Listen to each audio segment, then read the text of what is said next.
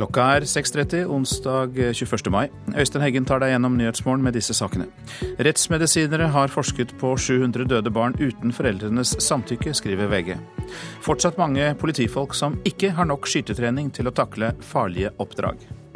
Fire av ti mangler godkjenning til å gå inn i de farligste situasjonene. Flomtopp på Balkan i dag. Frykt for at tallet på omkomne vil stige. Og sjeldne gjenstander fra yngre steinalder dukker opp der ny E18 skal bygges gjennom Bamble i Telemark. Ja, Rettsmedisinere har forsket på hjertene og hjernene til rundt 700 døde barn uten foreldrenes samtykke. Det skriver VG. Denne praksisen har pågått i 30 år og fram til i dag.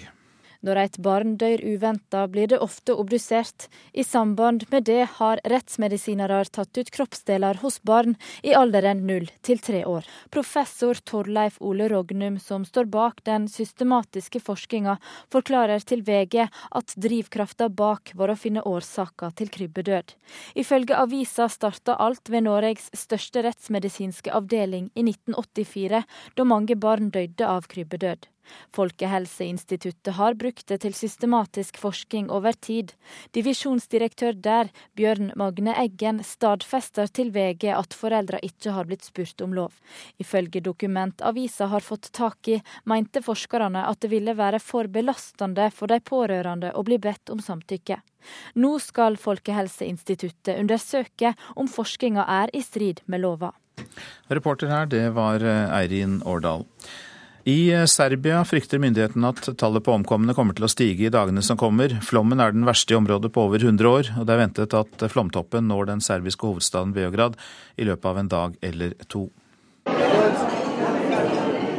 Et hotell i sentrum av hovedstaden Beograd er blitt heimen til mange av ofra for flaumen. Nær 300 mennesker er mellombels innkvarterte her. Isto su nas dočekali, dobili smo dve dvokrevetne sobe pošto imamo dvoje dece. Komfor imamo. De tok godt imot oss her på hotellet. De ga oss dobbeltrom siden vi har to barn. Vi har det bra her. Vi takker styresmaktene og alle som har hjulpet oss, sier Petro Blahovic. Både frivillige og Røde Krossen har stilt opp med klær og andre nødvendige ting for å hjelpe. I Serbia er i alt rundt 30 000 mennesker evakuerte etter den verste flaumen i manns minne. Elvene Sava og Donau går over sine bredder, svære områder ligger under vann. Vannstanden i Donau nord for Beograd når trolig toppen i løpet av det neste døgnet. Rundt 50 mennesker har mista livet under flaumen i Serbia, Bosnia-Hercegovina og Kroatia den siste tida. Det er et akutt behov for hjelp. Det sa reporter eh, Eivind Molde. Tørris Jæger, utenlandssjef i Røde Kors, god morgen til deg. Dere følger med på dette og er selvfølgelig til stede som Røde Kors eh, på Balkan for å hjelpe til. Hva er det siste informasjonen dere har om eh, flommen? Ja, Vi ser også at situasjonen er og forblir dramatisk. Vi venter også at toppen kommer nå de neste dagene. Behovet er, er fortsatt enormt. Det gjelder fortsatt å nå alle som er direkte berørt. Hvor overraskende kom denne flammen? Ja, altså Vi har jo sett at uh, siden omtrent en uke siden uh, har det kommet uh, regn som vanligvis kommer over en uh, treårs, tre måneders periode. Så det, det, har nok tatt mange har nok overrasket mange. Vi har jo en generell beredskap for å kunne respondere, men dimensjonen, omfanget, var nok uventet. Hva forteller samarbeidspartnerne dere har på Balkan? Ja, Vi jobber jo eh, sammen med Serbiske Kors og, og, Røde Kors i Bosnia-Hercegovina. Og de står jo midt i det. Altså I Serbia har, man, eh, har Røde Kors 60 000 frivillige. Det er 10 000 i innsats til enhver tid. Og de står eh, midt, midt oppi det og hjelper på, på alle sider med evakuering, med utdeling av, av nødhjelpsartikler osv. Hvor er folk hardest eh, rammet? Er det i Beograd som vi hørte her, eller er det andre steder som er enda hardere rammet? Vi ser jo at det er fortsatt steder hvor man ikke har helt nådd fram. Mm. Og um, det er de Altså Vi ser at skadene kan være større i tettere områder, men vi må jo nå ut til alle som virkelig, som virkelig er nå direkte berørt. Er det slik at Røde Kors i Norge jobber gjennom samarbeidspartnere, eller kan det hende at dere også tar direkte del i dette arbeidet? Vi jobber jo alltid gjennom våre samarbeidspartnere. Nå kan det vise seg at hvis vi ser at behovet stiger ytterligere, at vi også altså, trapper opp vårt eget arbeid. Men i utgangspunktet, dette er jo nasjonalforeninger som vi kjenner, som vi har jobbet godt, på, eh, godt sammen med i, på 90-tallet. De kjenner oss, vi kjenner dem. Vi stoler på hverandre. Vi vet hvor vi har hverandre, og, og derfor kan vi gi støtten også direkte. Hvordan reagerer norske givere, for dere er vel også ute etter eh, at eh, nordmenn flest hjelper til her? Ja, vi syns at det er en veldig positiv eh, respons. Vi har jo bidratt med egne midler, men så har også eh, offentligheten virkelig eh, stilt opp og, og ser en, en, veldig stor vilje til å, til å, bidra. Og det er også absolutt nødvendig. Ødeleggelsene er helt, helt enorme. Vi ser at i, i Bosnia er det 100 000 hus som er, som er ødelagt skadene er like store som etter, etter krigen. Så det er, vann er Eh, kilden til livet, men det er også kilden til nå eh, sykdom og ødeleggelser.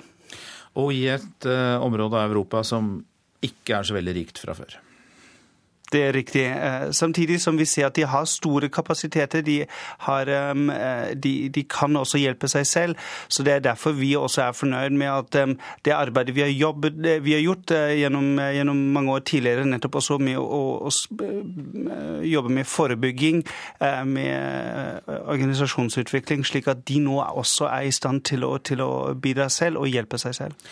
Mange takk, Tørris Jæger, som altså da er utenlandssjef i Røde Kors. Widerøe må kutte 200 millioner kroner etter at SAS solgte seg ut i fjor høst. Det er de nye eierne med transportselskapet Torghatten i spissen som står bak dette kravet, skriver Dagens Næringsliv. Fagforeningene til flygerne og de kabinansatte har godtatt å kutte 40 millioner kroner. Lønnen til de ansatte kuttes med 3% og nyansatte i Widerøe får lavere lønn og må jobbe i flere timer. Forhandlingene mellom Norsk Transportarbeiderforbund, NTF og NHO Transport brøt sammen i går kveld. Dermed kan det bli streik blant renovasjonsarbeidere, og en slik streik vil da ramme søppeltømmingen. Oppgjøret går til mekling, og hvis ikke den lykkes, så kan det bli streik i begynnelsen av juni.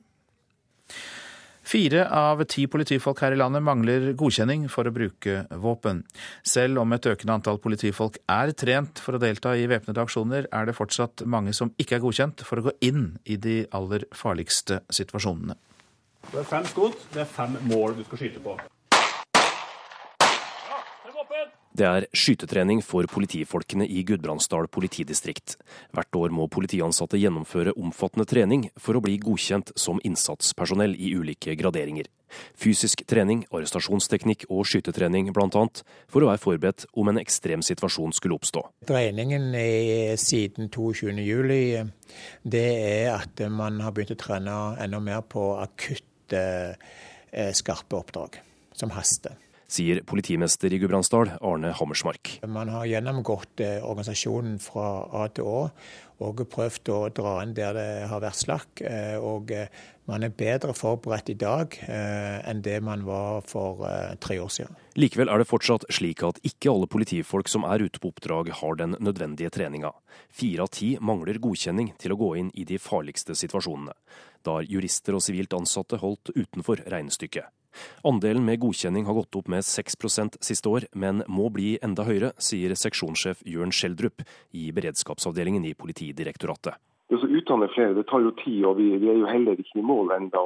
Vi skal da fortsette å utdanne flere mannskaper i årene som, som kommer.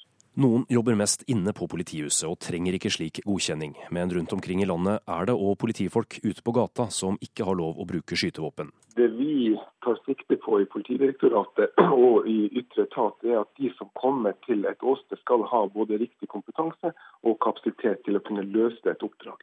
Men da forutsetter jo det at det er folk på jobb som har, har denne godkjenninga? Det forutsetter at det er folk som har en slik eh, godkjenning. og Det er jo da en risikovurdering som den enkelte politimester må, må ta. På tre nå? Ja. I Gudbrandsdal politidistrikt, som er landets nest minste målt i antall ansatte, har 81 av 110 godkjenning, og det er politimester Arne Hammersmark fornøyd med. Det er aller høyeste prioritet hos oss. Man skal ha den eh, graden av trygghet ute som, eh, som kreves, og som er forsvarlig. Derfor må man, de aller fleste av våre politiutdannede mannskaper bidra i vakt- og beredskapstjenesten. Hammersmark har sjøl opplevd en ekstrem situasjon da han var politimester i Stavanger under det brutale Nokas-ranet i 2004, der en politimann ble drept. Han mener det er en utfordring at ikke alle politifolk rundt i landet er forberedt på slike situasjoner. Hvis man da relaterer det til de største politidistriktene, så er det mange mannskaper der som kun driver som etterforskere. Og Da er det ikke noe poeng i seg selv at eh, de er operativt godkjent. Men det er òg en del eh, mannskaper som, som, burde vært det, som ikke er det, fordi at og en eller annen grunn så har det ikke blitt prioritert. Og Vest-Oppland og Hedmark politidistrikt vil ikke oppgi til NRK hvor mange av deres politifolk som har eh, våpengodkjenning. Reporter i denne saken, det var eh, Erlend Mo. Elektrifisering av Utsirahøyden i Nordsjøen er et dårlig klimatiltak. Ja, det mener eh, økonomiprofessor Mikael Hoel ved Universitetet i Oslo. Resultatet blir økte utslipp andre steder i Europa og i resten av verden, sier han til Aftenposten. Han mener stortingsflertallets pålegg er svært lite treffsikkert, og at det sammen med andre virkemidler i klimapolitikken kan virke mot sin hensikt. Og det blir mer om elektrifisering av Utsirahøyden i Politisk kvarter om en drøy time. Så til det avisene har på sine forsider. Flere dropper skolen når det er gode tider, kan vi lese i Aftenposten. Hva gjør jeg på skolen når folk der ute tjener penger? Ja, Det sier 21 år gamle Palok Goika til avisa. De traff ham på en byggeplass på Lørenskog. Mobilt bredbånd på tre pendlerstrekninger inn mot Oslo er testet av Dagens Næringsliv. NetCom kommer bedre ut enn Telenor på to av dem, og de trådløse nettverkene i buss og tog er ikke noe alternativ. I Trondheim går ansatte ved en privatskole til søksmål for å kreve samme pensjonsordning som offentlig ansatte, kan lese i Adresseavisen. Saken mot den engelskspråklige skolen Birali International School kan få stor betydning for ansatte ved andre privatskoler, mener Utdanningsforbundet. En bonde på Hadeland får over 850 000 kroner i økt tilskudd dersom statens tilbud i jordbruksoppgjøret blir stående, kan vi lese i Nasjonen. Bonden driver med melk og storfe og har over 1000 melkekyr og annet storfe. Kringsatt av bondehæren, harde politiske fronter er stikkord for oppslaget i Dagsavisen om Sylvi Listhaugs møte med bøndene. Saken kan i verste fall ende med regjeringskrise, det mener avisas kommentator Hege Ulstein. Tidligere forhandlingsleder spår sentralisering, lavere matproduksjon og svekket rekruttering dersom regjeringen får gjennomslag for sin landbrukspolitikk. Klassekampen har snakket med Per Harald Grue, som ledet forhandlingene med bøndene på statens vegne i tre tiår. Kontanter liggende hjemme for å være mobil hvis det skulle skje noe, kan vi lese i Dagbladet. Avisa gjengir forklaringene til den korrupsjonssiktede politioverbetjenten Eirik Jensen. Han sier han trengte mye kontanter som en del av sin uoffisielle tilværelse. Kampen i Nigeria er ikke over, selv om de kidnappede jentene skulle settes fri. Vårt Land forteller om kampen om hverdagen i et land med dårlig skole, barneekteskap, fattigdom og barseldød. Branns verste start i Eliteserien på elleve år er oppslaget i Bergens Tidende. Avisas kommentator Tore Strand skriver at klubben ikke må fortsette å late som den er Barcelona Light, men brette opp ermene, slåss for tilværelsen, for ellers kan sesongen ende med nedrykk. De styrer toppklubbene, men har for lite kunnskap om økonomi. Det mener professor Tor V. Andreassen. Norges fotballforbund og fotballpresident Yngve Hallén har nok en gang lagt fram tall som viser store underskudd, og totalt sett så ble det brukt 143 millioner kroner mer i fotballklubbene her i landet enn de egentlig hadde å rutte med. Det er ofte at eh, den eh, lidenskapen og entusiasmen som ikke bare finnes på, på tribunen, men også i styrerommene, trua på det produktet en greier å skape, trua på de inntektene en skal greie å realisere, den er av og til litt for høy i forhold til det terrenget en ferdes i. Han er professor i økonomi, og mener noe av grunnen til den økonomiske krisen enkelte klubber havna i, er manglende kompetanse i ledelsen av norske klubber. De fleste som er i norsk fotball gjennom tidene har kommet fra entusiastiske, velmenende mennesker, kommet opp gjennom rekkene fra fotballspillere som har gått inn i ledelsen og ut med trenersiden. Og I dag så er det så avansert og så krevende at du må inn med helt annen type kompetanse. Professoren mener det haster med å heve økonomikompetansen i norsk fotball. Det haster. Det haster. klokken er fem på tolv. Når ser vi et, et regnskap for norsk toppfotball som går i pluss totalt sett? Nei, Det er ikke mange nå til. Reporter her, det var Tommy Barstein. Klokka den passerte nettopp 6.45. Dette er hovedsaker i Nyhetsmorgen. Rettsmedisinere forsket på 700 barn uten foreldrenes samtykke, skriver VG. Praksisen har pågått i 30 år og fram til i dag. Bare seks av ti politifolk her i landet er godkjent for å bruke skytevåpen i en farlig situasjon. Flomtopp på Balkan i dag og i morgen. Frykt for at tallet på omkomne vil stige. De materielle ødeleggelsene er like store som etter krigene på Balkan, sa utenlandssjef i Røde Kors Tørris Jæger her i Nyhetsmorgen.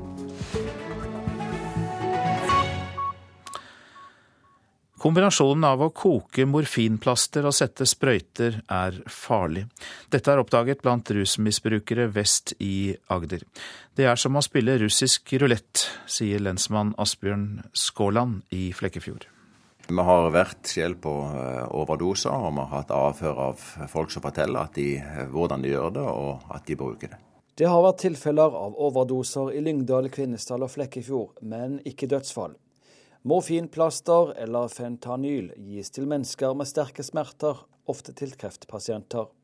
Narkomane har kokt morfinplastrene og sprøytet dette inn i kroppen. Farlig, mener lensmannen.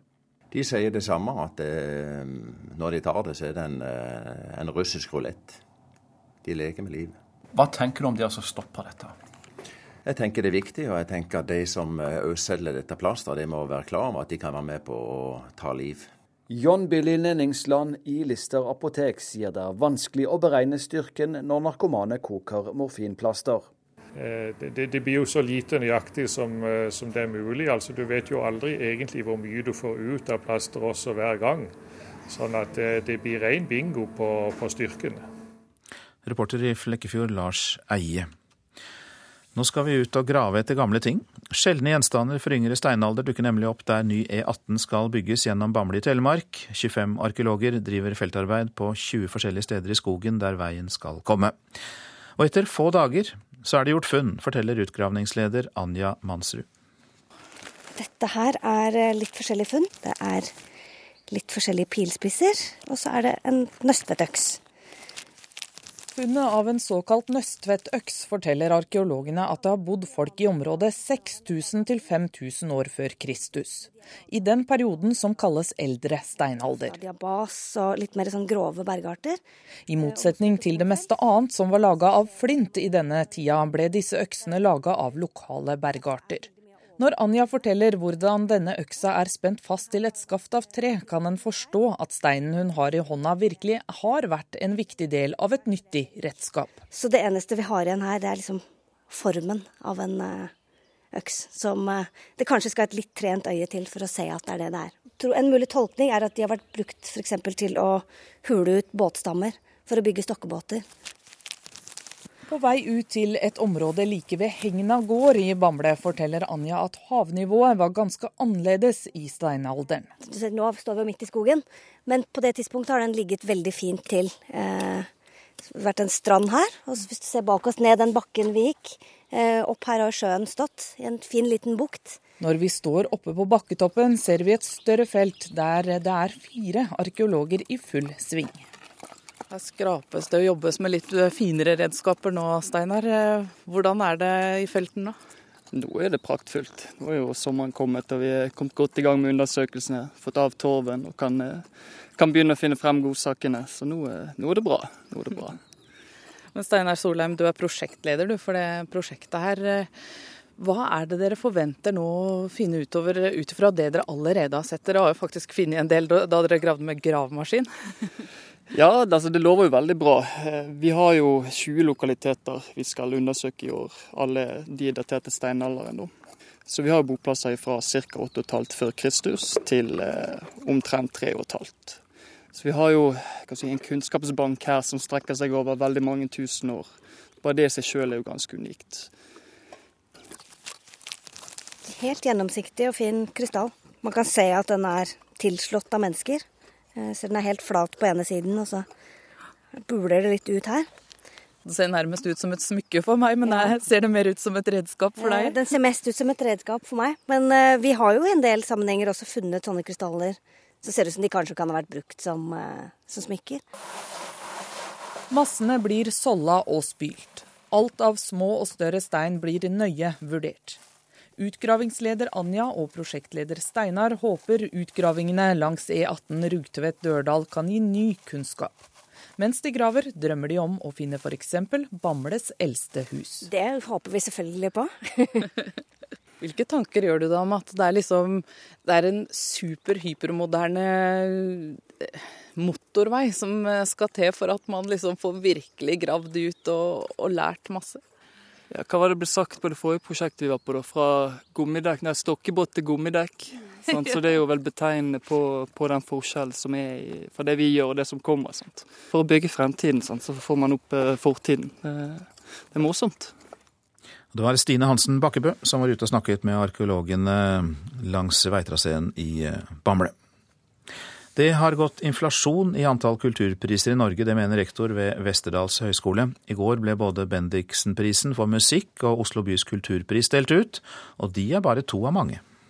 En del av disse prisene eh, kommer til å forsvinne, og de bør kanskje forsvinne. Sier rektor ved Westerdals høgskole, Tom Quisle.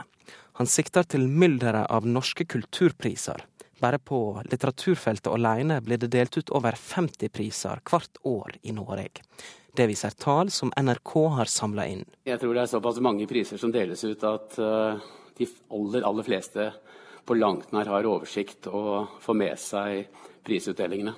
Å finne det nøyaktige tallet på kulturpriser er vanskelig, men i tillegg til litteraturprisene kommer hundrevis av priser innen musikk, arkitektur, drama, billedkunst og andre kunstarter. En av disse prisene ble delt ut i Oslo rådhus i går. Og det er en stor glede for meg å gi kulturprisen til deg, multikunstneren Jo Nesbø. Det er uh, veldig stas. Uh, Oslo er en by som jeg, som jeg, har brukt og til dels misbrukt. Sa Jo Nesbø da han i går ble tildelt Oslo bys kulturpris på 100 000 kroner. Nesbø ønsker ikke å kommentere om det er for mange kulturpriser i Norge i dag. Men Øystein Sundelin, leder i kultur- og utdanningskomiteen i Oslo, mener at prisen de deler ut, har livets rett. Oslo by har behov for å sette pris på de kultur- og kunstnerutøverne vi har i vår by, og det er det de prisene vi deler ut i dag skal eh, være. Og en eh, kunst- og kulturpris fra Oslo by vil jeg tro at eh, våre Oslo-kunstnere setter stor pris på. Kulturprisen i hovedstaden er en av de mange som kjemper om å få omtale i media. Rektor ved Westerdals, Tom Quisle, tror mange overvurderer PR-effekten ved å opprette en pris. Mange av dagens priser som deles ut, har en veldig kort eh, eh, tid i, i, i, media og offentlighetens søkelys. Og, og, har i så måte veldig liten effekt tror jeg, PR-messig eller omdømmemessig for de som, som gir det. Og det er ikke alle som når opp i mediekampen. Nordlys debutantpris, som ble oppretta i 2011, ble lagt ned i fjor etter bare tre år. Vi fikk ikke nok merksemd, sier daglig leder for Nordli Libris, Jon Thomas Gaard.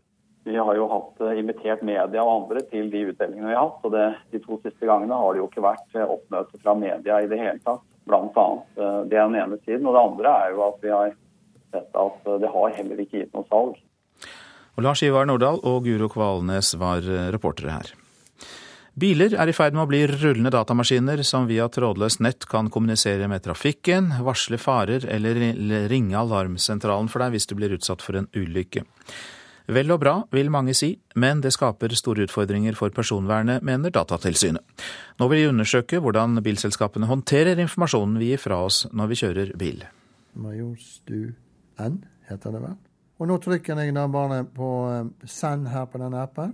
Med noen tastetrykk på telefonen sender administrerende direktør i Volvo Norge, Øystein Hærland, reiseruten til bilen. Da er vi eh, kommet inn i Volvo, og så spør han da om vi vil kjøre til Majorstua skole. Til den uthevede ruten. Stadig flere av bilens funksjoner kan styres ved hjelp av en smarttelefon. Om noen år er de aller fleste nye biler tilkoblet nettet, og nå satser bilindustrien og teknologiselskap som Nokia, Apple og Google stort på såkalte intelligente biler. Vi satser på teknologi, for vi ser at teknologien er en del av den fremtidige sikkerheten i Volvo-biler.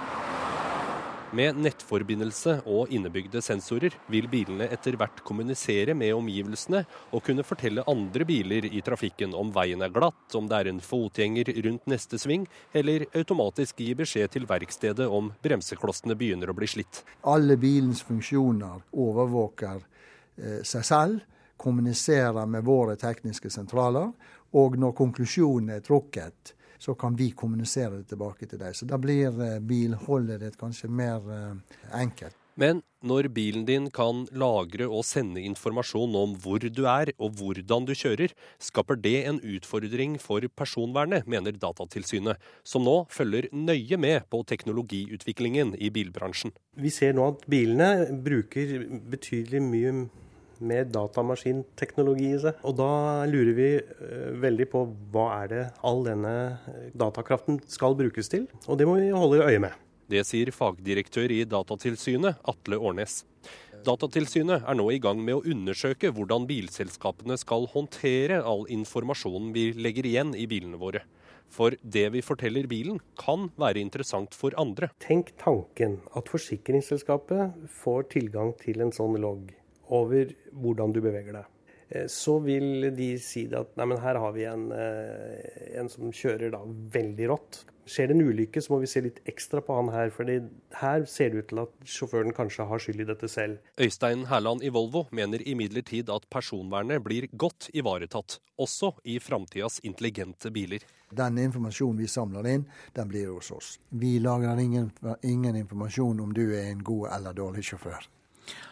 Reporter her, det var Halvor Haugen. Og så legger vi til at erkebiskop og tidligere fredsprisvinner Desmond Tutu kommer til Norge i september. Han er invitert av Nobels fredssenter og avisen Vårt Land. Den 82 år gamle sørafrikaneren skal snakke om tilgivelse i Oslo konserthus. Advokat Geir Lippestad har pga. sin bakgrunn fra rettsprosessen etter 22.07-terroren blitt bedt om å være Tutus samtalepartner under dette arrangementet. Det skriver Aftenposten. Så skal vi eh, gå til eh, værvarselet og fjellet i Sør-Norge først, da. Sørlig liten kuling, enkelte regnbyger, lite nedbør øst for Dovre. Så var det Østlandet, stort sett opphold, lokal morgentåke. Fra i ettermiddag lokale regnbyger, utrygt for eh, torden. Telemark får også lokal morgentåke. Det blir regnbyger, kan hende med torden også der. Agder periodevis liten kuling på kysten vest for Oksøy. Lokal morgentåke, regnbyger og lokalt torden. Rogaland sørøst liten kuling på kysten. Lokale regnbyger, til dels med torden. På kysten morgentåke. I kveld minkende byggeaktivitet i Rogaland. Så var det Hordaland og Sogn og Fjordane som vi ser samlet. Øking til sørlig opp i liten kuling. Enkelte regnbyger. På kysten morgentåke. Fra i ettermiddag regnbyger og til dels med torden. Og så ser vi på Møre og Romsdal og Trøndelag. På kysten morgentåke, men ellers pent vær. Fra i ettermiddag regnbyger, kan hende med torden i Møre og Romsdal særlig, da. Så var det Nordland. Perioder med regn i nord, stort sett opphold i sør. I kveld nordøst liten kuling på kysten. Troms perioder med regn, i kveld liten kuling. Og så var det Finnmark. Det blir regn av og til. Nordensjøland på Spitsbergen. Nordvest stiv kuling utsatte steder, og spredte snøbyger faktisk der. Temperaturene som ble målt klokka fem i natt. Svalbard lufthavn minus to. Kirkenes 7 grader pluss. Vardø 6, Alta 9. Tromsø-Langnes 6 grader, det samme i Bodø 6 grader. Brønnøysund 9, Trondheim-Værnes også 9. Molde 10, Bergen-Flesland 11, Stavanger 15. Kristiansand-Kjevik 10 grader, Gardermoen 11. Lillehammer 9, Røros 2 grader og Oslo-Blindern 12 grader. Det var altså klokka fem i eh, natt. Og Nyhetsmorgen er tilbake om eh, drøyt eh, tre minutter. Først skal vi ha en eh, Dagsnytt-bulleteng. Det er vanskeligere å få jobb. Mange bedrifter har sluttet å ansette. Fire av ti politifolk har ikke lov til å bruke våpen. Her er NRK Dagsnytt klokka sju. Den siste måneden har det blitt færre ledige jobber her i landet. Det er 7500 færre ledige stillinger nå enn i mai i fjor. Adil Osmani i søkemotoren rubrikk.no er overrasket over nedgangen. Altså det er så tydelig fall i antall jobbannonser som går ut. Og det er ikke én bransje, det er ikke to bransjer. Det er så bredt at det må komme en reaksjon. Sier gründer og daglig leder Adil Osmani i søkemotoren rubrikk.no. Den fanger opp de fleste ledige stillingene som utlyses. Den siste måneden er nedgangen i ledige jobber på hele 26% Det betyr at flere enn før vil få problemer med å skaffe seg en jobb. De har rett og slett sluttet å ansette nye mennesker. Reporter var Hedvig Bjørgum. Skadene etter flommen på Balkan er flere steder like store som etter krigen på 1990-tallet. Det sier utenlandssjef Tørris Jæger i Norges Røde Kors. Flommen er den verste i området på over 100 år, og rundt 50 mennesker har mistet livet. Vi ser jo at det er fortsatt steder hvor man ikke har helt nådd fram. Vi ser at skadene kan være større i eh, tettere områder, men eh, vi må jo nå ut til eh, alle som virkelig, som virkelig er nå direkte berørt. Ødeleggelsene er helt, helt enorme. Vi ser at i, i Bosnia er det 100 000 hus som er, som er ødelagt. Skadene er like store som etter, etter krigen, så det er, vann er kilden til livet, men det er også kilden til nå sykdom og ødeleggelser. Fire av ti politifolk her i landet mangler godkjenning for å bruke våpen. Det viser tall fra Politidirektoratet. Etter terrorangrepet 22.07.2011 er målet at flest mulig skal kunne gå inn i skarpe oppdrag, sier seksjonssjef Jørn Skjelderup i Politidirektoratet. Utdanne flere det tar jo tid, og vi, vi er jo heller ikke i mål ennå. Vi skal da fortsette å utdanne flere mannskaper i årene som, som kommer de som kommer til et åsted skal ha både riktig kompetanse og kapasitet til å kunne løse et oppdrag. Men da forutsetter jo det at det er folk på jobb som har, har denne godkjenninga? Det forutsetter at det er folk som har en slik eh, godkjenning. og Det er jo da en risikovurdering som den enkelte politimester må, må ta. Reporter var Erlend Moe. Minst 32 personer er drept i et pakistansk flyangrep langs grensen til Afghanistan. Det opplyser sikkerhetskilder. Ifølge pakistanske myndigheter er de drepte sentrale opprørsledere som skal ha stått bak flere terroraksjoner. NRK Dagsnytt, Anne Jetlund Hansen.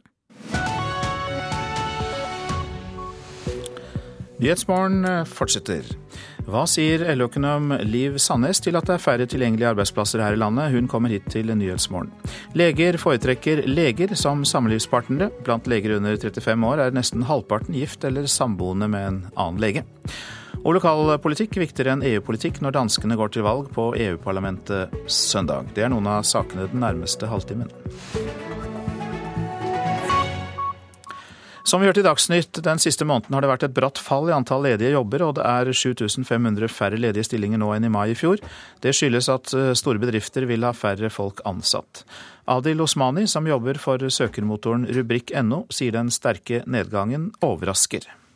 Det er store, tunge næringer i Norge som nå nedbemanner, som har mye å si for andre sektorer. F.eks. når da Statoil utsetter å bygge prosjekter, setter ut verftsbygginger til utlandet og omorganiserer eh, på egen sokkel, så har den jo å si for alle næringer som støtter opp om et så stort lokomotiv. Sier gründer og daglig leder Adil Osmani i søkemotoren rubrikk.no. Den fanger opp de fleste ledige stillingene som utlyses. Og ledige stillinger er en god indikator på om det går opp eller ned i arbeidsmarkedet. Det som forundrer meg mest, er at det, at det er en så bred nedgang, og det er noe vi sjelden ser. Det er de fleste sektorer hvor de aller største sektorene leder an. Hva tyder det på? Det tyder på at det er veldig mange større bedrifter i Norge som nå tar seg en pustepause og vurderer hva de skal gjøre med organisasjonen sin.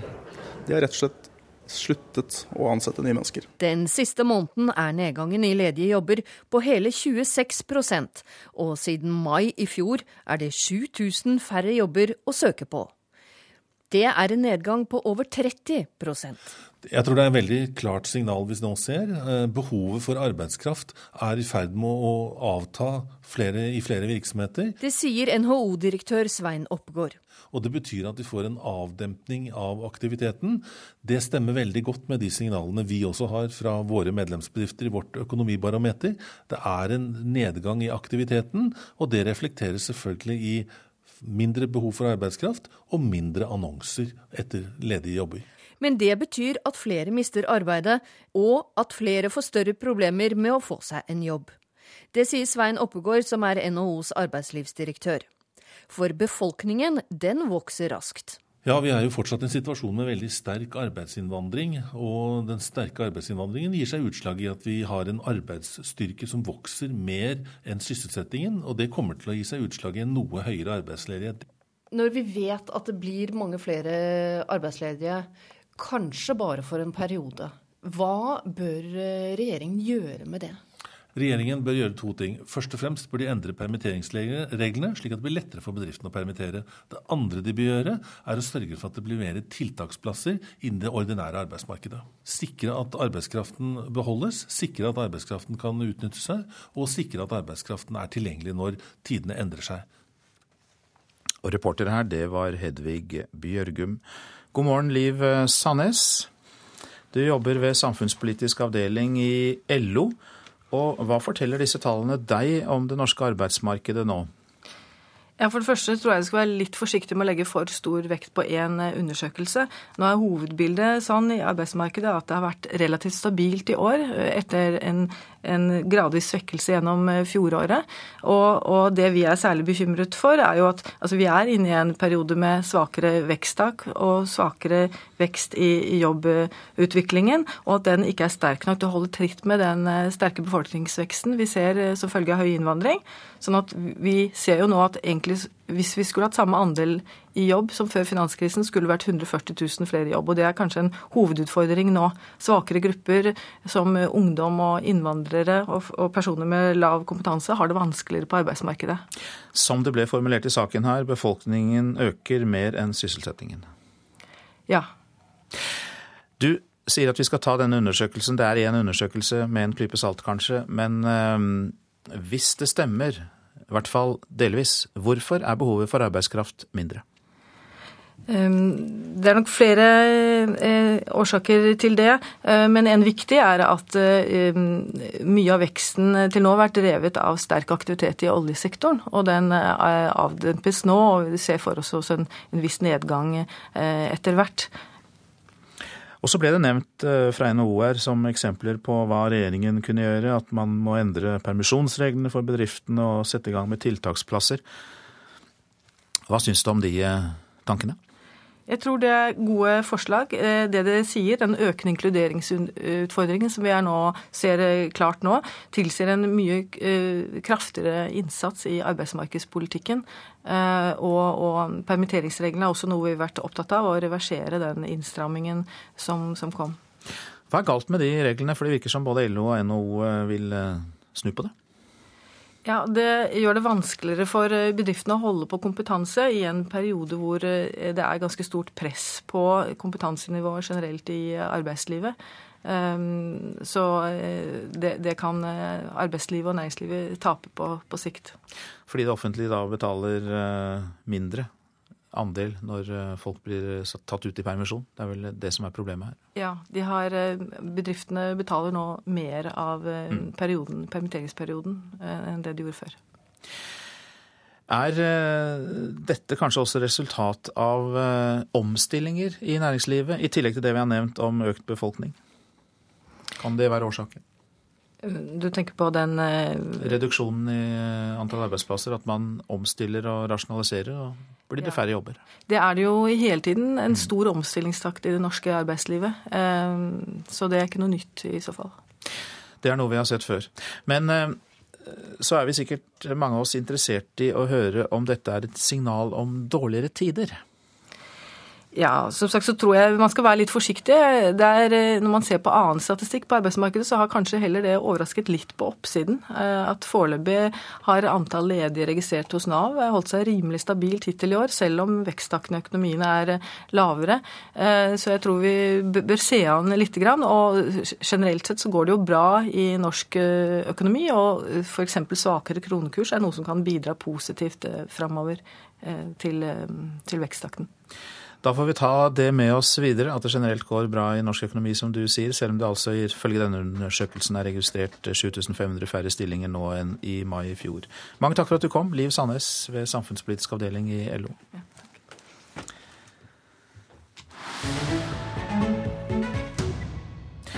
Så skal vi høre at svært mange yngre leger velger seg en annen lege som kjæreste eller samlivspartner. Det er tall fra Legeforskningsinstituttet som viser det. Blant leger under 35 år er nesten halvparten gift eller samboende med en lege. Mange treffer hverandre under studiene. Det sier medisinstudent Sunniva Roaldseth. Vi går jo på et veldig langt studie, da, seks år sammen, og vi blir godt kjent. Vi kommer fort innpå hverandre og innenfor intimgrensene til hverandre også, ved at vi må undersøke hverandre og ja, sånne ting. Mm. Så det tror jeg jo kan i hvert fall sette en sånn pangstart på å bli kjent-prosessen. Mens mange mannlige leger før ble sammen med sykepleiere, har den økte kvinneandelen blant legestudentene endret dette bildet.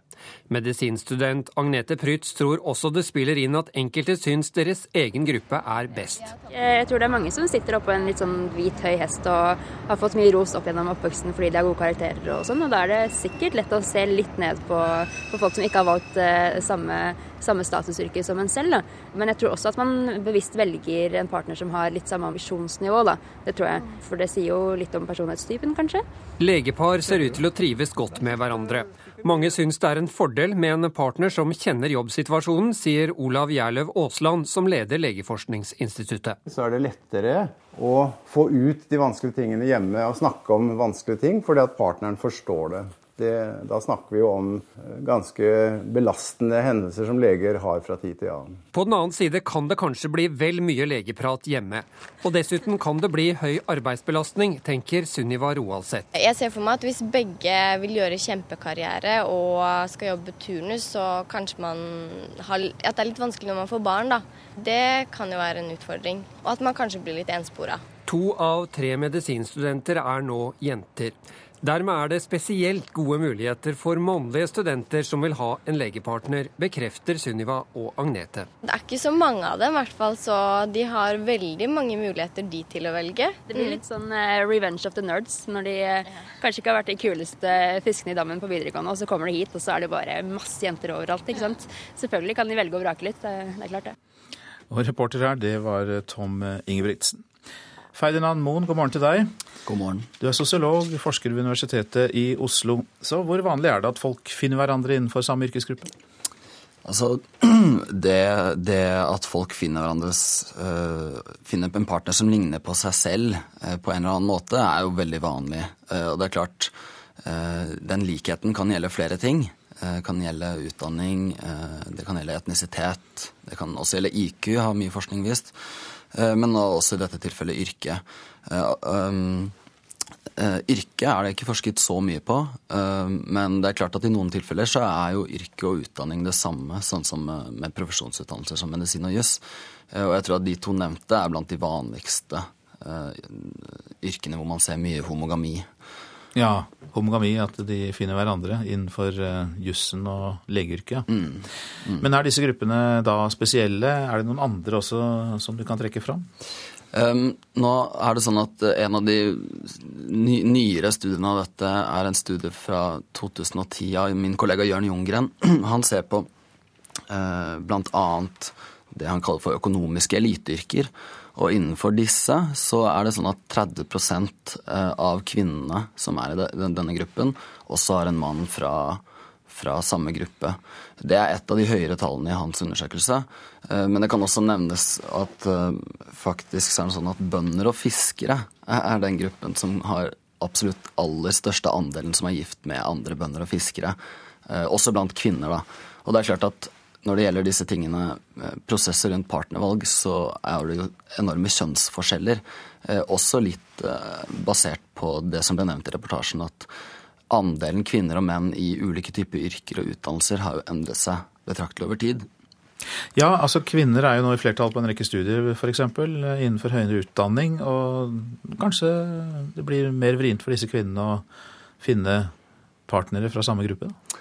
Det blir jo per definisjon mer vrient. Mm. Så, så, gitt at det er ønskelig, så, så, må det nok ty til andre strategier. Eh, der, der, er det selvfølgelig flere muligheter. Når det gjelder akkurat legene, så er det klart at det finnes jo utenlandske leger, hvis man absolutt vil ha en annen lege. Ja.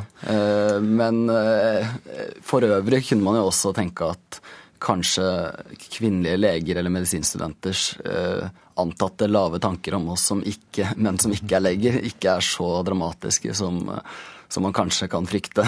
Det får vi håpe. Men eh, hva skjer når par som jobber i statusyrker får barn? Det kan jo være interessant å snakke litt om. Altså, Inntar kvinnene da en mer tradisjonell rolle? Altså, det er jo en del som tyder på at denne kjønnsspesialiseringen i hjemmet slår til i vår tid virkelig når barna kommer. Og, og det er klart, da kan man jo eh, tenke seg at fallhøyden er større for de kvinnene som har en, en høy utdannelse og et, et. Uh, og det er noe som tyder på det. altså Økonomene Marte Strøm og Sara Kohls finner at eh, tapet av lønn er større for de, for de kvinnene som har fulltidsarbeidende eh, og, og, er høyt utdannede. Det, det, tapet er større for dem enn for de med lav utdannelse. Men når det gjelder akkurat legene, er det faktisk gjort en studie på dette som riktignok er for ti år siden. men Elisabeth Gjerberg hun finner at kvinnelige leger som er gift med andre leger, de har en bedre karriereutvikling enn andre kvinnelige leger. Eh, og her kommer vi antageligvis til det at det er noen, kanskje noen fordeler med det å gifte seg med en som har lik jobb og, og lik type utdannelse som seg. ikke sant? Hun tolker dette som et uttrykk for forståelse fra den mannlige legens side. Eh, forståelse og sosial støtte. Da stopper vi der, på den positive siden av dette. Sosiolog og forsker ved Universitetet i Oslo, Ferdinand Moen, takk for at du kom. Takk selv. Klokka den er straks 7.17. Dette er hovedsaker i Nyhetsmorgen.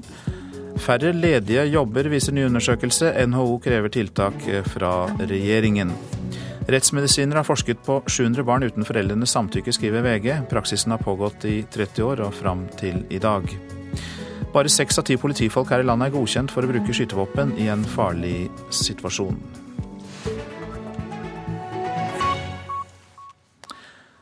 Dødstallene er ventet å stige når flomvannene trekker seg tilbake i Bosnia og Serbia. Kraftig regn har ført til den verste flommen i manns minne i de to landene, men først er det ventet at vannstanden i elva Sava vil nå nye høyder fram mot torsdag.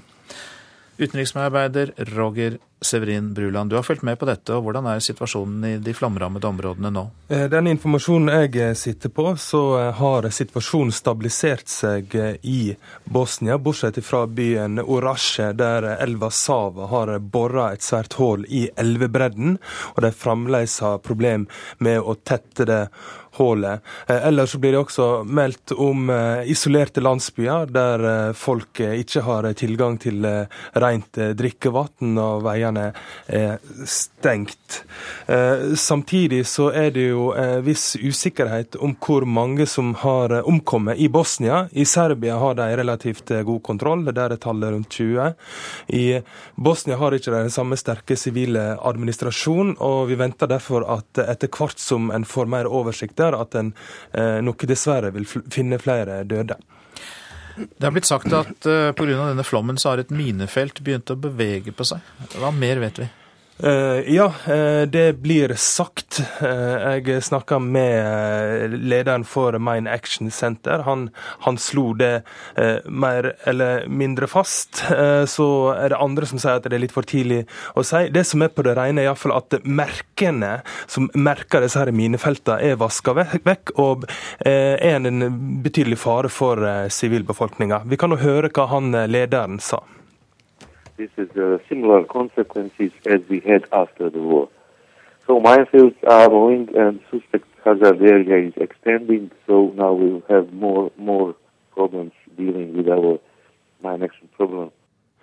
Litt vanskelig å høre hva han sier her, men det han sier er jo at eh, det arbeidet de har eh, lagt ned siden krigen, har eh, kanskje mer eller mindre blitt nullstilt og, sett kraftig tilbake.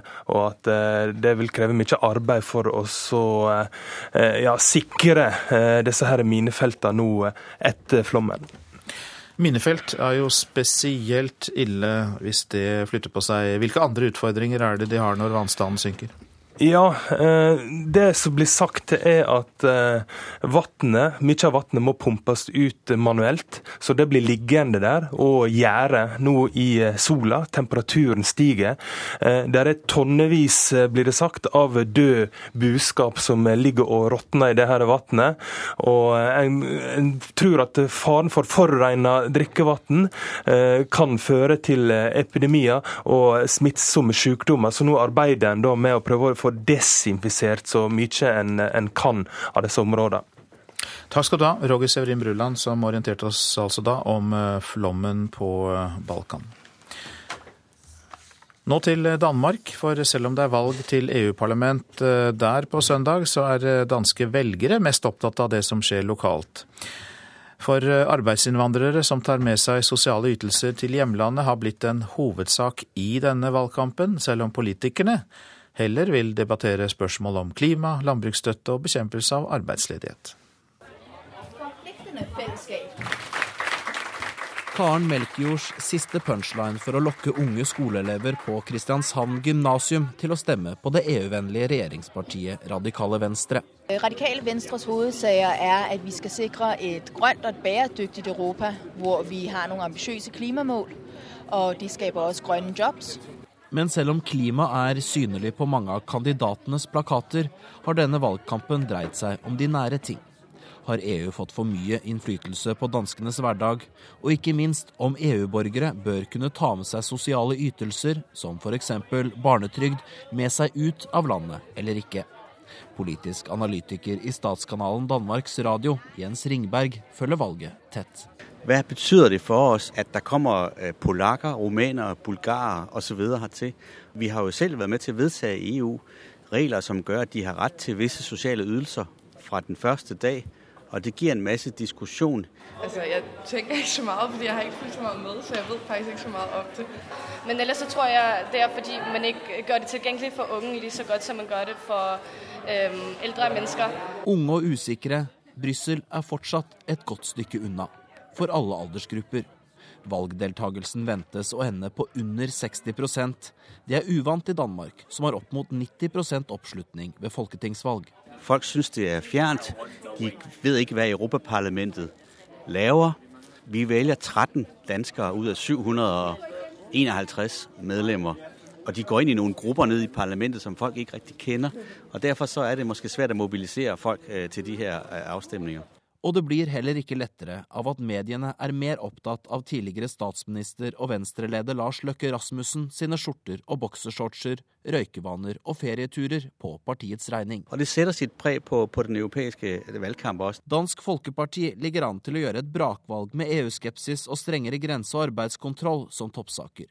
Likevel tror ikke kandidat Karsten Lorentzen på noen økt innflytelse i Europa. Altså, vi føler ikke at innflytelsen er stor. Vi føler faktisk at øh, innflytelsen øh, nærmest er ikke målbar. Danmark har stor innflytelse i Europaparlamentet hvis vi bruker den riktig, og ved å konsentrere seg om spesifikke ting som hvor kan, vi kan gjøre en forskjell. Karen Melkjord i Radikale Venstre har tro på EU.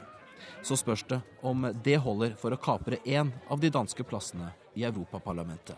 Nei, jeg har ikke bestemt meg ennå hva jeg vil stemme på. Men du skal stemme? Ja, det skal jeg. 100 Og reporter i København, Simon Skjelbostad Yseth. Så til avisenes eh, forsider. VG avslører at rettsmedisiner har forsket på 700 barn uten å ha fått foreldrenes samtykke. En av foreldrene sier at de forsket på sønnens hjerne. Organdeler skal ha blitt gravlagt på en anonym minnelund. Flere dropper skolen når det er gode tider, kan vi lese i Aftenposten. Hva gjør jeg på skolen når folk der ute tjener penger, sier 21 år gamle Pallok Goikai, som avisen traff på en byggeplass på Lørenskog. Mobilt eh, bredbånd på tre pendlerstrekninger inn mot Oslo er testet av Dagens Næringsliv. NetCom kom bedre ut enn Telenor på to av dem, og de trådløse nettverkene i buss og tog var ikke noe alternativ. I Trondheim går ansatte ved en privatskole til søksmål for å kreve samme pensjonsordning som offentlig ansatte. Det kan vi lese i Adresseavisen. Saken mot den engelskspråklige Birali International School kan få stor betydning for ansatte ved andre privatskoler, mener Utdanningsforbundet. En bonde på Hadeland får over 850 000 kroner i økt tilskudd dersom statens tilbud i jordbruksoppgjøret blir stående, kan vi lese i Nasjonen. Bonden driver med melk og storfe, og har over 1000 melkekyr og annet storfe. Kringsatt av bondehæren, harde politiske fronter, er stikkord for oppslaget i Dagsavisen om Sylvi Listhaugs møte med bøndene. Saken kan i verste fall ende med regjeringskrise, skriver avisas kommentator Hege Ulstein.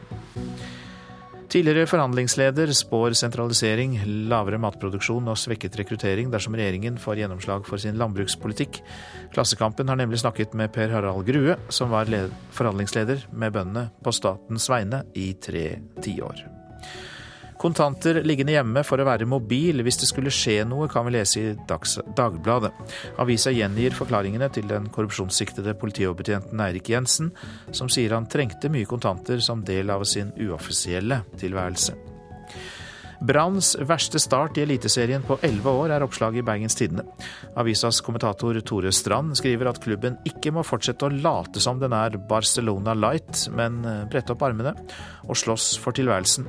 Ellers kan sesongen ende med nedrykk.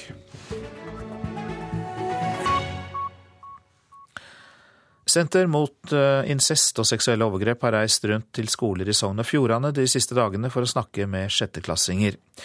De mener at tre seksuelle overgrep mot barn er blitt avdekket under disse samtalene. Ifølge organisasjonen er også overgrep og uønsket kontakt blitt forhindret.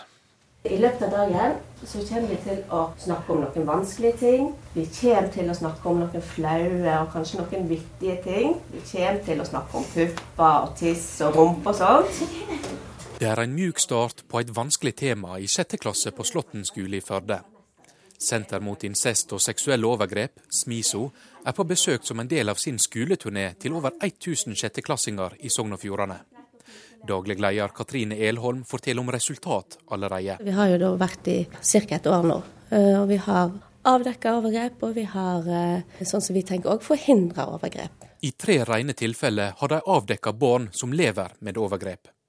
I tillegg har de stoppa farlige forhold som kunne utvikla seg. Et par jenter i sjette klasse som har hatt for tett kontakt på nett med eldre gutter. Da, der det har kommet akkurat til bristepunktet mellom eh, hva vil skje videre, og der de har skjønt at de har gått over streken, men eh, ikke skjønt hvordan de skal komme seg ut av det, og blitt redde.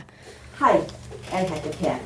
Jeg synes det er litt ekkelt å skulle si det til noen, så derfor skriver jeg til dere. I timen leser hun opp et brev senteret har fått fra en sjetteklassing tidligere. Så kommer onkelen min inn til meg mens jeg sover. Da sier han at jeg må ta på tissen hans, og at han må få ta på tissen min. Elevene sitter i sirkel og diskuterer og reflekterer grundig om historien som blir fortalt. På sidelinja i dag sitter Linda Bakke. Jeg synes Det er utrolig spennende å få være med. og Jeg er veldig imponert over hvor eh, involverte barna blir, og hvor reflekterte de er. Hun er daglig leder i stiftinga Fellesskap mot seksuelle overgrep, som er fellesorganisasjonen for alle støttesentre i landet. Hun forteller at det er penger som avgjør hvor mange skolebesøk det blir. Vi har jo hele tiden behov for mer midler til å kunne drive forebyggende arbeid på den måten vi gjør. Hvor enkelt er det å få tak i de pengene? Det kan være vanskelig, så det er jo en oppfordring til alle kommunene rundt om i landet å se viktigheten av at sentrene driver med forebyggende arbeid som undervisning her i skolene. Enkelte ville kanskje sagt at det virker veldig tidlig at, eh, at sjetteklassingene skal måtte ta stilling til seksuelle overgrep. Og Hadde tallene vist noe annet enn det de gjør, så tenker jeg at man måtte ha tenkt seg om flere ganger før man reiste rundt og informerte alle barna om det som vi gjør. Men når tallene viser at hver syvende jente, hver fjortende gutt blir utsatt for incest eller seksuelle overgrep, da tenker jeg at eh, da er vi nødt. Jeg tenker at vi har ikke noe valg. Vi er nødt til å informere om at dette skjer, og at dette kan skje. Og hva gjør man hvis dette skjer med deg? I friminuttet oppsummerer elev Børge Vingsnes hva han sitter igjen med. Jeg har lært at eh, hvis voksne gjør dette mot oss, så eh, hva vet vi at vi kan si for at til trygge voksne. Og så fortalte de historie om han Per som har sendt et brev til deg. Hva syns du om den historien? Det var ganske alvorlig historie, for det er jo ikke, det er jo ikke lov å ta og gjøre sånne ting som han gjorde. Men det var en ganske lærerik historie, syns jeg. Reporter her, det var Erlend Blålid Oldeide. Du lytter til Nyhetsmorgen. Motsetningene bak den langvarige politiske striden i Thailand er tema for reportasjen etter Dagsnytt. I Politisk kvarter er elektrisk kraft til Utsirahøyden i Nordsjøen tema. Olje- og energiminister Tord Lien er en av gjestene der. Produsent for Nyhetsmorgen i dag, Marit Selmer Nedrelid. Her i studio, Øystein Heggen. Og vi skal straks få Dagsnytt.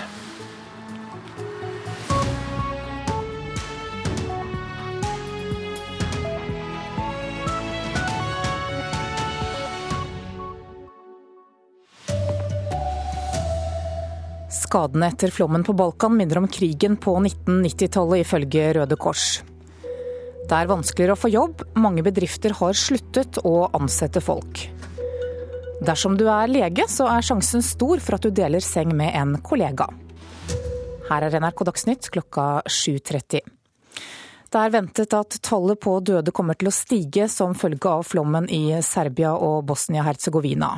Kraftig regn har ført til den verste flommen i manns minne i de to landene. Et hotell i sentrum av hovedstaden Beograd er blitt heimen til mange av ofrene for flaumen. Nær 300 mennesker er mellombels innkvarterte her. Isto su nas dočekali, dobili smo dve dvokrevetne sobe pošto imamo dvoje dece. Komfort imamo. De tok godt imot oss her på hotellet. De ga oss dobbeltrom siden vi har to barn. Vi har det bra her. Vi takker styresmaktene og alle som har hjulpet oss, sier Petro Vlahovic. Både frivillige og Røde Krossen har stilt opp med klær og andre nødvendige ting for å hjelpe. I Serbia er i alt rundt 30 000 mennesker evakuerte etter den verste flaumen i manns minne. Men nå er det ikke mer regn i vente med det første, sier statsmeteorolog Terje Alsvik Valle. Ja, nå er det sol og varme på Balkan, så temperatur på rundt 25 grader og strålende solskinn. og Det gjør at situasjonen langsomt blir bedre, men det tar ganske lang tid før alt vannet har kommet seg ut i havet. Så det vi ser nå er konsekvensene av det som skjedde forrige uke, men det tar lang tid før det blir helt bra igjen. Reporter her, det var Eivind Molde. Utenriksmedarbeider Roger Severin Bruland, hvor er situasjonen verst akkurat nå? Det er helt klart i Bosnia. Der er 100 000 mennesker evakuert. Mange områder er uten elektrisitet og rent drikkevann. Samtidig så har det her kraftige regnet ført til mange jordskred, og det er frykta at også flere jordskred vil komme i tida som kommer. I tillegg blir det også meldt om landsbyer som er totalt isolerte, og der folk ennå ikke har blitt berga ut. Hva er de største utfordringene i øyeblikket?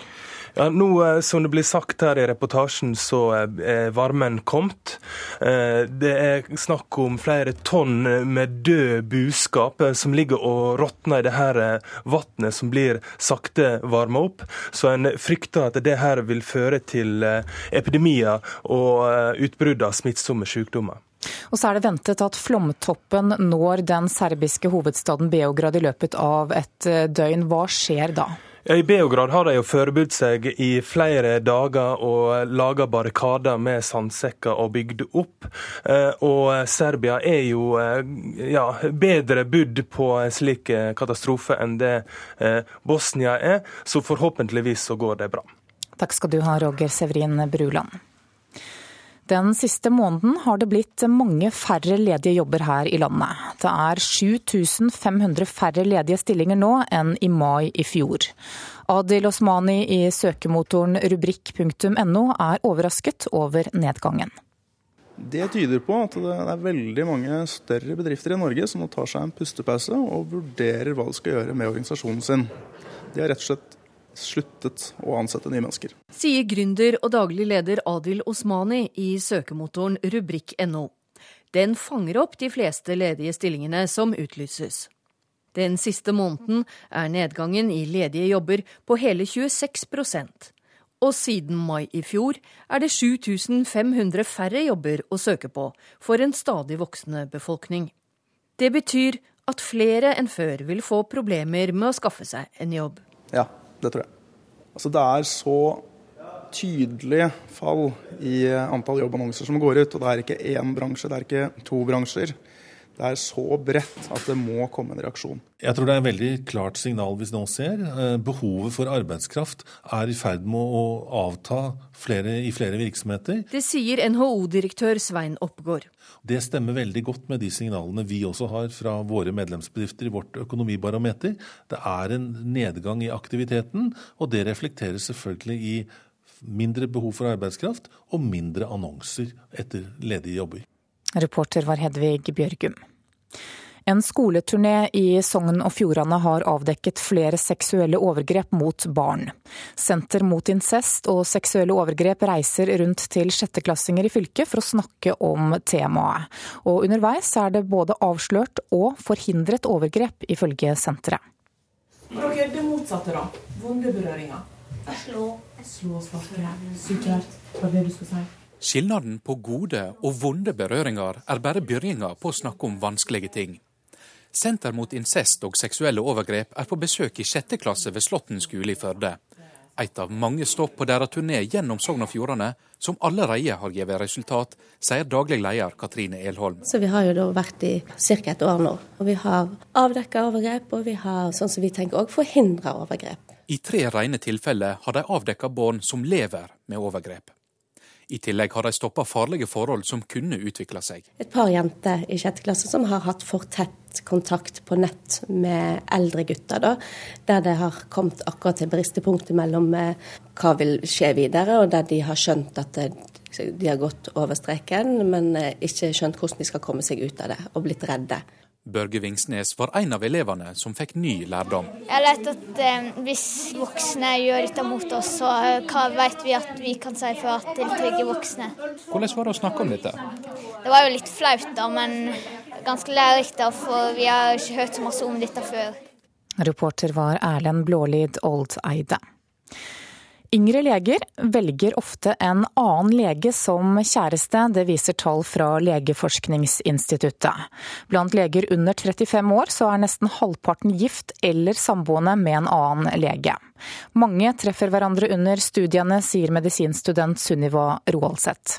Vi går jo på et veldig langt studie, da, seks år sammen, og vi blir godt kjent. Vi kommer fort innpå hverandre og innenfor intimgrensene til hverandre også, ved at vi må undersøke hverandre og ja, sånne ting. Mm. Mens mange mannlige leger før ble sammen med sykepleiere, har den økte kvinneandelen blant legestudentene endret dette bildet.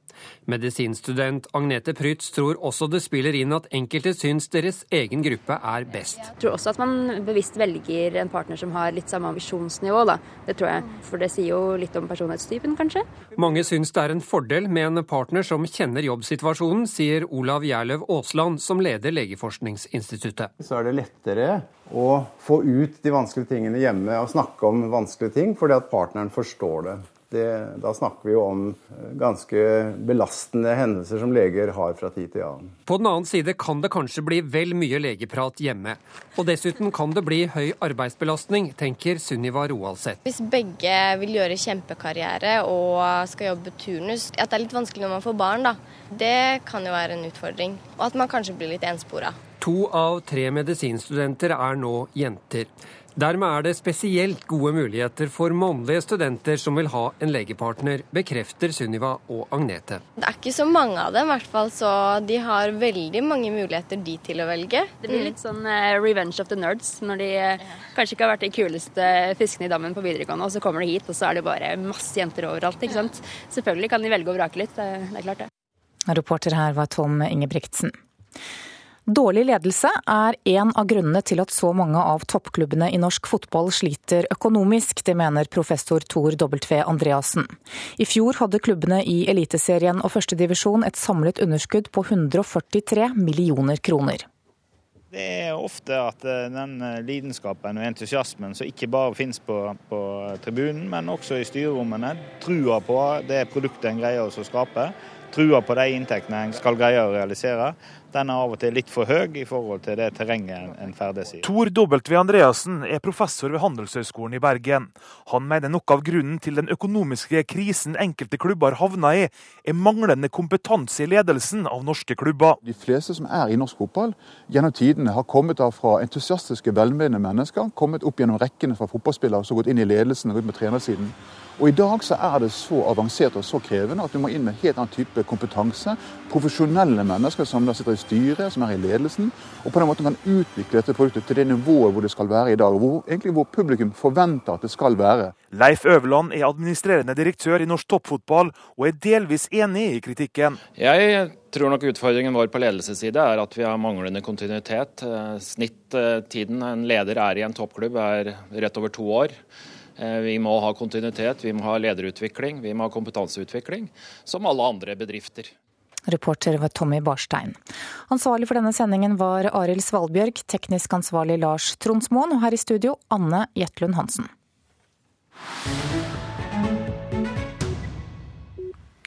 Du lytter til eh, Nyhetsmorgen. Situasjonen er fortsatt spent i Thailand etter at militæret innførte unntakstilstand i går. Det er et åpent spørsmål om hæren vil ta makten i landet gjennom et kupp, slik den har gjort elleve ganger tidligere. Bak ligger en årelang og bitter strid, der tidligere statsminister Taksin Shinawat fortsatt står sentralt. Petter eh, Svaar har laget denne reportasjen.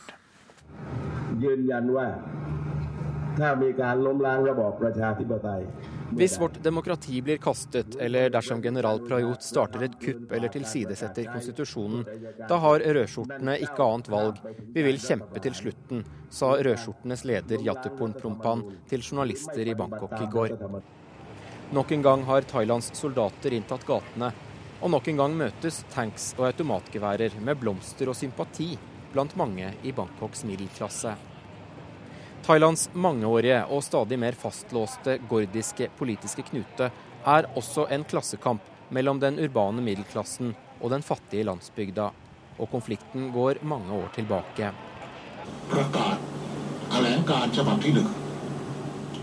Den 19.9.2006 ble Thailands daværende statsminister, den thaikinesiske forretningsmannen og telemogulen Taksin Shinawat, avsatt i landets ellevte militærkupp. Han flyktet utenlands. Det ble utstedt arrestordre, men taxien forsvant ikke fra Thailands politiske landskap. Siden kuppet har taxien fra et luksushotell i Dubai holdt jevnlige politiske appeller til sine tilhørere via videolink. Hans kritikere hevder spydig at taxien har styrt Thailand de siste årene via Skype. Taksin selv hevder at han i sine appeller aldri oppfordrer tilhengerne til å bruke vold, men sier at de må opptre fredelig. Peaceful, peaceful, peaceful. Like fullt er striden mellom røde og gullskjortene i Bangkoks gater åtte år etter kuppet mot Taksin også en strid for og imot ham, som både er en av landets rikeste menn og hevder å være de fattiges høye beskytter. Og åtte år senere er ikke historien mer endret enn at det også i mai i år var en statsminister Shinawat som måtte gå, denne gang med fornavnet Yingluk. Hun er Taksins søster. Hva felte henne? Korrupsjonsanklager. Yingluk ble avsatt av Thailands høyesterett den 8. mai i år, etter mange av de samme anklagene som har fulgt i kjølvannet av hennes bror i årevis. Familien Shinawat kom inn i Thailands politikk for alvor i 2001, da Taksins Thairak Thai-parti oppnådde et valgskred. Det spesielle var at hans vinnende parti ble stiftet bare seks måneder før valget, og Taksin ble kritisert for å bruke sin enorme formue til å kjøpe opp stemmer på den fattige thailandske landsbygda. Samtidig lovet Taksin landets fattige i sør og nordøst velferdsgoder som billig helsestell og jordbrukssubsidier, og han ikke bare lovet, men leverte disse løftene. Dette har gjort at Taksin blant Thailands fattige flertall fortsatt regnes som en redningsmann, en som bryr seg om de fattige og lytter til deres behov.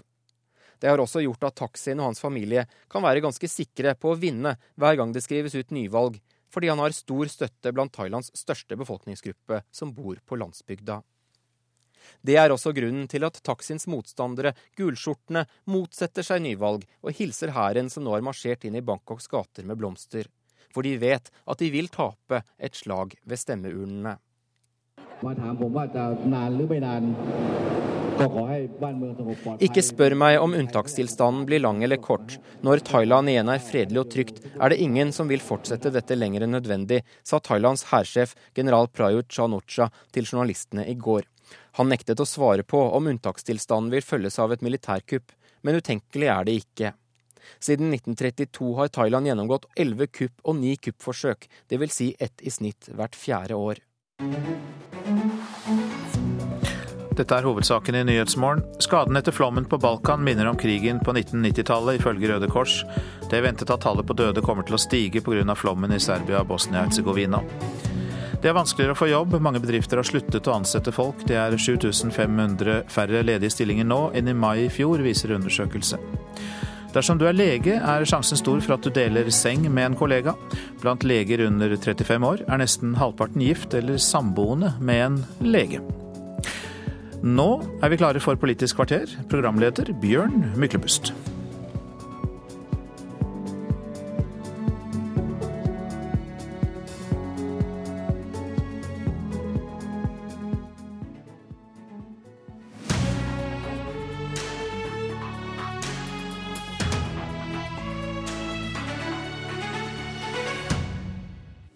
Olje- og energiminister Tord Lien, velkommen til eh, Politisk kvarter. Takk for det. Har du mindre makt enn du trodde?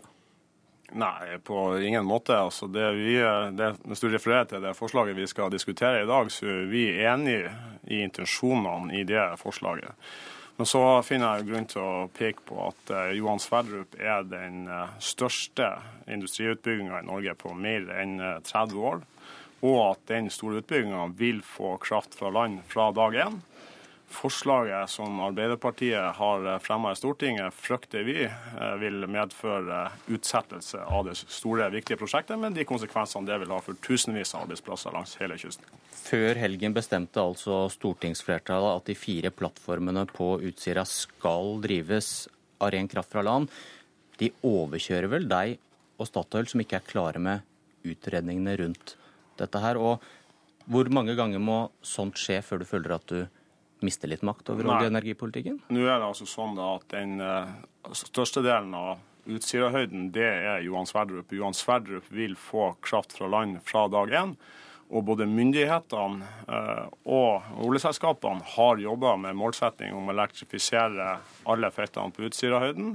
Uh, men da har vi ment at det var sikrere å gjøre det i fase to enn i fase én, som Arbeiderpartiet nå tilsynelatende tar til orde for.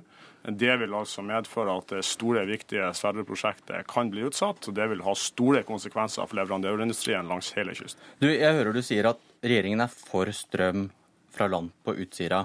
Men regjeringspartiet Fremskrittspartiet har ikke et ord om elektrifisering av sokkelen i sitt program. Der står det derimot symbolhandlinger som virker mot sin hensikt miljømessig og er fordyrende må unngås.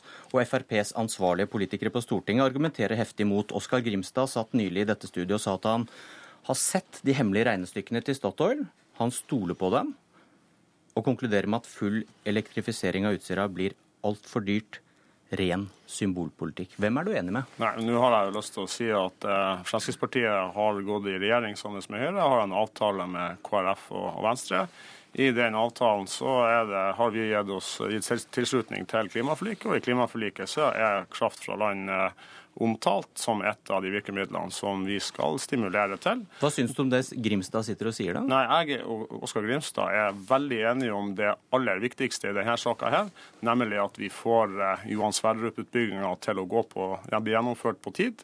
Det eh, vet vi, det skaper Arbeiderpartiet nå usikkerhet om blir mulig. Men det Oskar Grimstad også da sier, er at å skulle fullelektrifisere, det blir for dyrt. Det blir ren symbolpolitikk. Er du enig med han der også?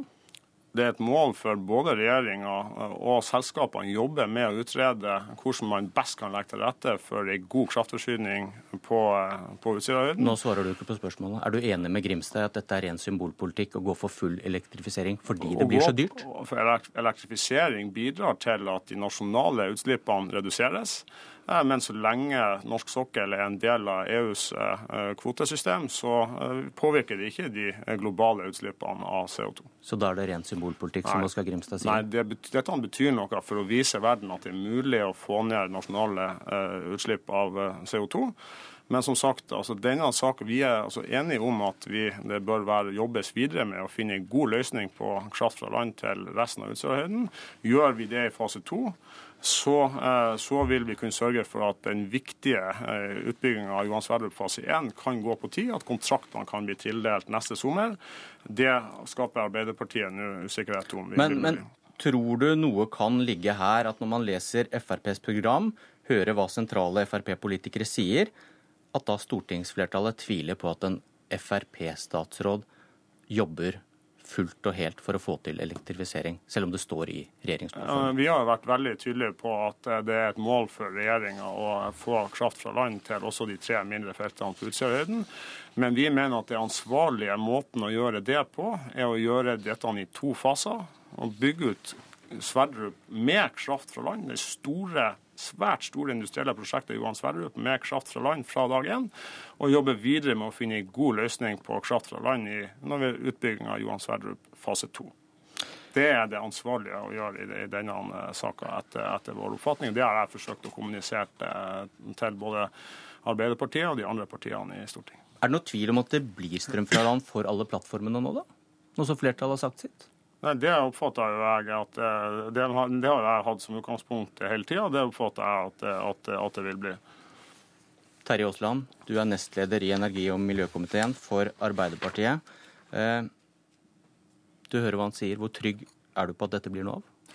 Det som Tord Lien nå har brukt fem minutter på å prøve å forklare, understreker behovet for at Stortinget nå var tydelige i en veldig eh, viktig sak for å kunne komme i en situasjon hvor vi klarer å oppfylle klimaforlikets målsettinger om å kutte eh, klimagassutslippene i Norge. Hvis ikke vi hadde satt det kravet nå eh, omkring Utsirahøyden, noe det har vært stor usikkerhet over lang tid, og det er derfor Stortinget nå, altså flertallet gjør det, så ville vi aldri kommet i en posisjon hvor vi kunne klare å oppnå de målsettingene vi har satt oss i klimaforliket. Derfor er denne saken veldig viktig. Og så til poenget om, om utsettelser eller ikke. Altså, ja, for er, for er egentlig flertallet enig i når elektrifisering skal skje? Altså, Vi har ikke gjennom vårt vedtak gått inn og detaljstyrt uh, den videre prosessen.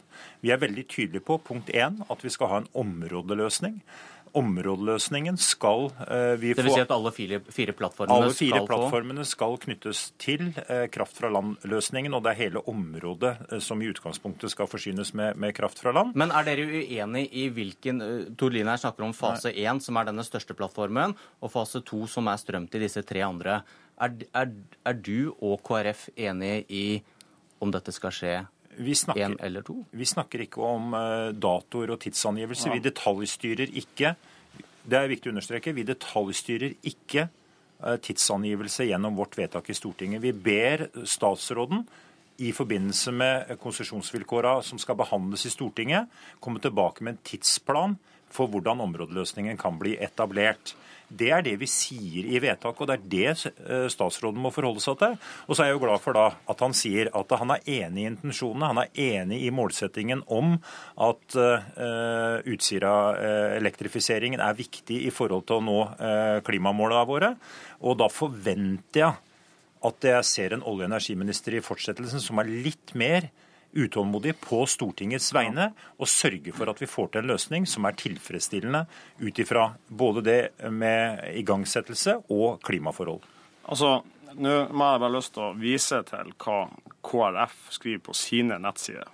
Fra oppstart av Johan Sverdrup-feltet kan, kan du Terje Aasland, bekrefte at eh, Arbeiderpartiet er enig i denne definisjonen? Altså, gjør vi endringer på fase 1, så er det stor sannsynlighet for at prosjektet blir utsatt. Venter vi til fase 2, så går dette bra. Det finnes ikke noe fase 1,5 i dette prosjektet. Er du enig i den definisjonen KrF har lagt ut på sine nettsider, nemlig fra oppstart av Johan Sverdrup, altså fra fase 1? Vi snakker ikke om uh, tidsangivelse i det hele tatt, og jeg ber Men du hører KrF gjør det her som uh jeg ber, statsråden peker på? Jeg ber statsråden lese det vi har blitt enige om, og som kommer til å bli fremma og vedtatt i Stortinget den 15. juni. Det er det statsråden må forholde seg til. Han bør ikke eh, leite på hjemmesidene til de ulike partiene. Det er en veldig tydelig angivelse på oppdraget til olje- og energiministeren i det, eh, de punktene som vi har eh, angitt, og det er det han må forholde seg til. Men, men, altså, men klart at vi, dette er et stort prosjekt som det er brukt tusenvis av arbeidstimer på allerede. Hvis vi skal bruke, rettighetshaverne på sokkelen skal bruke et halvt til et helt år til med dette og fortsatt leve med en usikkerhet på om fase to er, er greit, men kan du bekrefte da at, at eh, full elektrifisering av Utsirahøyden i fase to av Sverdrup-utbygginga, at det er akseptabelt for Arbeiderpartiet? Nå må statsråden gå gjennom det vedtaket som foreligger. Vi er veldig tydelige på at vi har en uh, områdeløsning på plass. Og det inkluderer alle feltene. Men det har vel regjeringen sagt også, har de ikke det? Nei, det har de overhodet ikke. Det er derfor vi har satt fram vedtaket. Og til, altså, Hvis de tilslutter seg det vedtaket, så er det jo veldig bra. Og ingenting er mer positivt, for vi må få ned klimagassutslippene i Norge.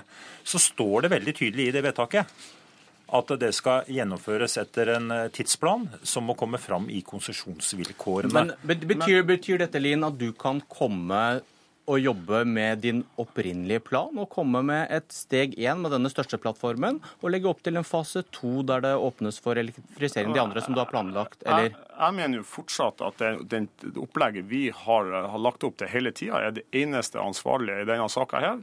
Eh, og vi har, vært, vi har, kommunisert det til partiene på Stortinget at eh, vi, vi, er villige til å på en måte drøfte dette. Vi mener at det hadde vært riktigere å drøfte dette når vi har et mye bedre beslutningsgrunnlag i forbindelse med utbyggingsplanen for Johan Sverdrup fase 1 til neste vår. Men, men det, er ikke, det, er jo ikke, vedtaket om å elektrifisere som er det store problemet. Det er den uklarheten om når dette skal være på plass, som skaper usikkerhet om vi klarer å få Johan Sverdrup fase 1 gjennom i Stortinget til våren. Og Arbeiderpartiet har en lang tradisjon for å være et solid industriparti i Norge. Det håper jeg at vi kommer til å se også i denne saka, når eh, ting får roa seg litt ned, at vi klarer å finne en god måte å løse dette på. Om, det, Tord Lien, gjorde du denne prosessen noe annerledes enn det den rød-grønne regjeringen pleide å gjøre det? Ja, altså Nå kan vi si at uh, Johan Sverdrup, uh, elektrifiseringa av Johan Sverdrup kommer til å bli den suverent største elektrifiseringa i uh, norsk historie. Det er ikke sammenlignbart de noe annet? Ti, de ti siste prosjektene som ble godkjent under den rød-grønne regjeringa, så var det kun ei som fikk kraft fra land. Men vi må ta med oss historien.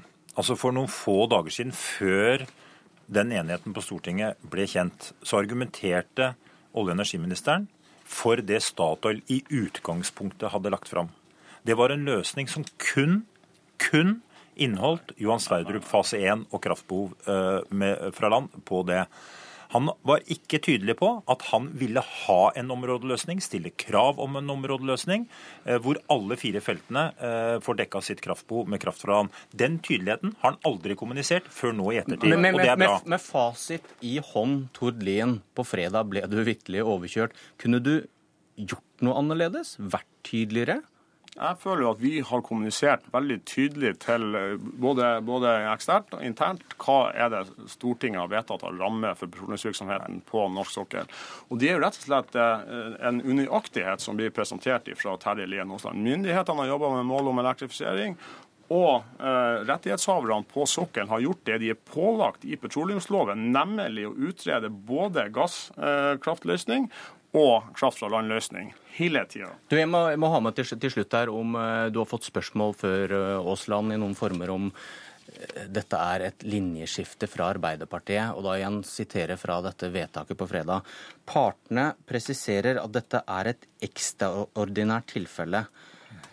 Og da innrømmer dere vel kanskje med den setningen at dette er ikke helt den At det er noen nedsider ved denne måten å gripe inn på?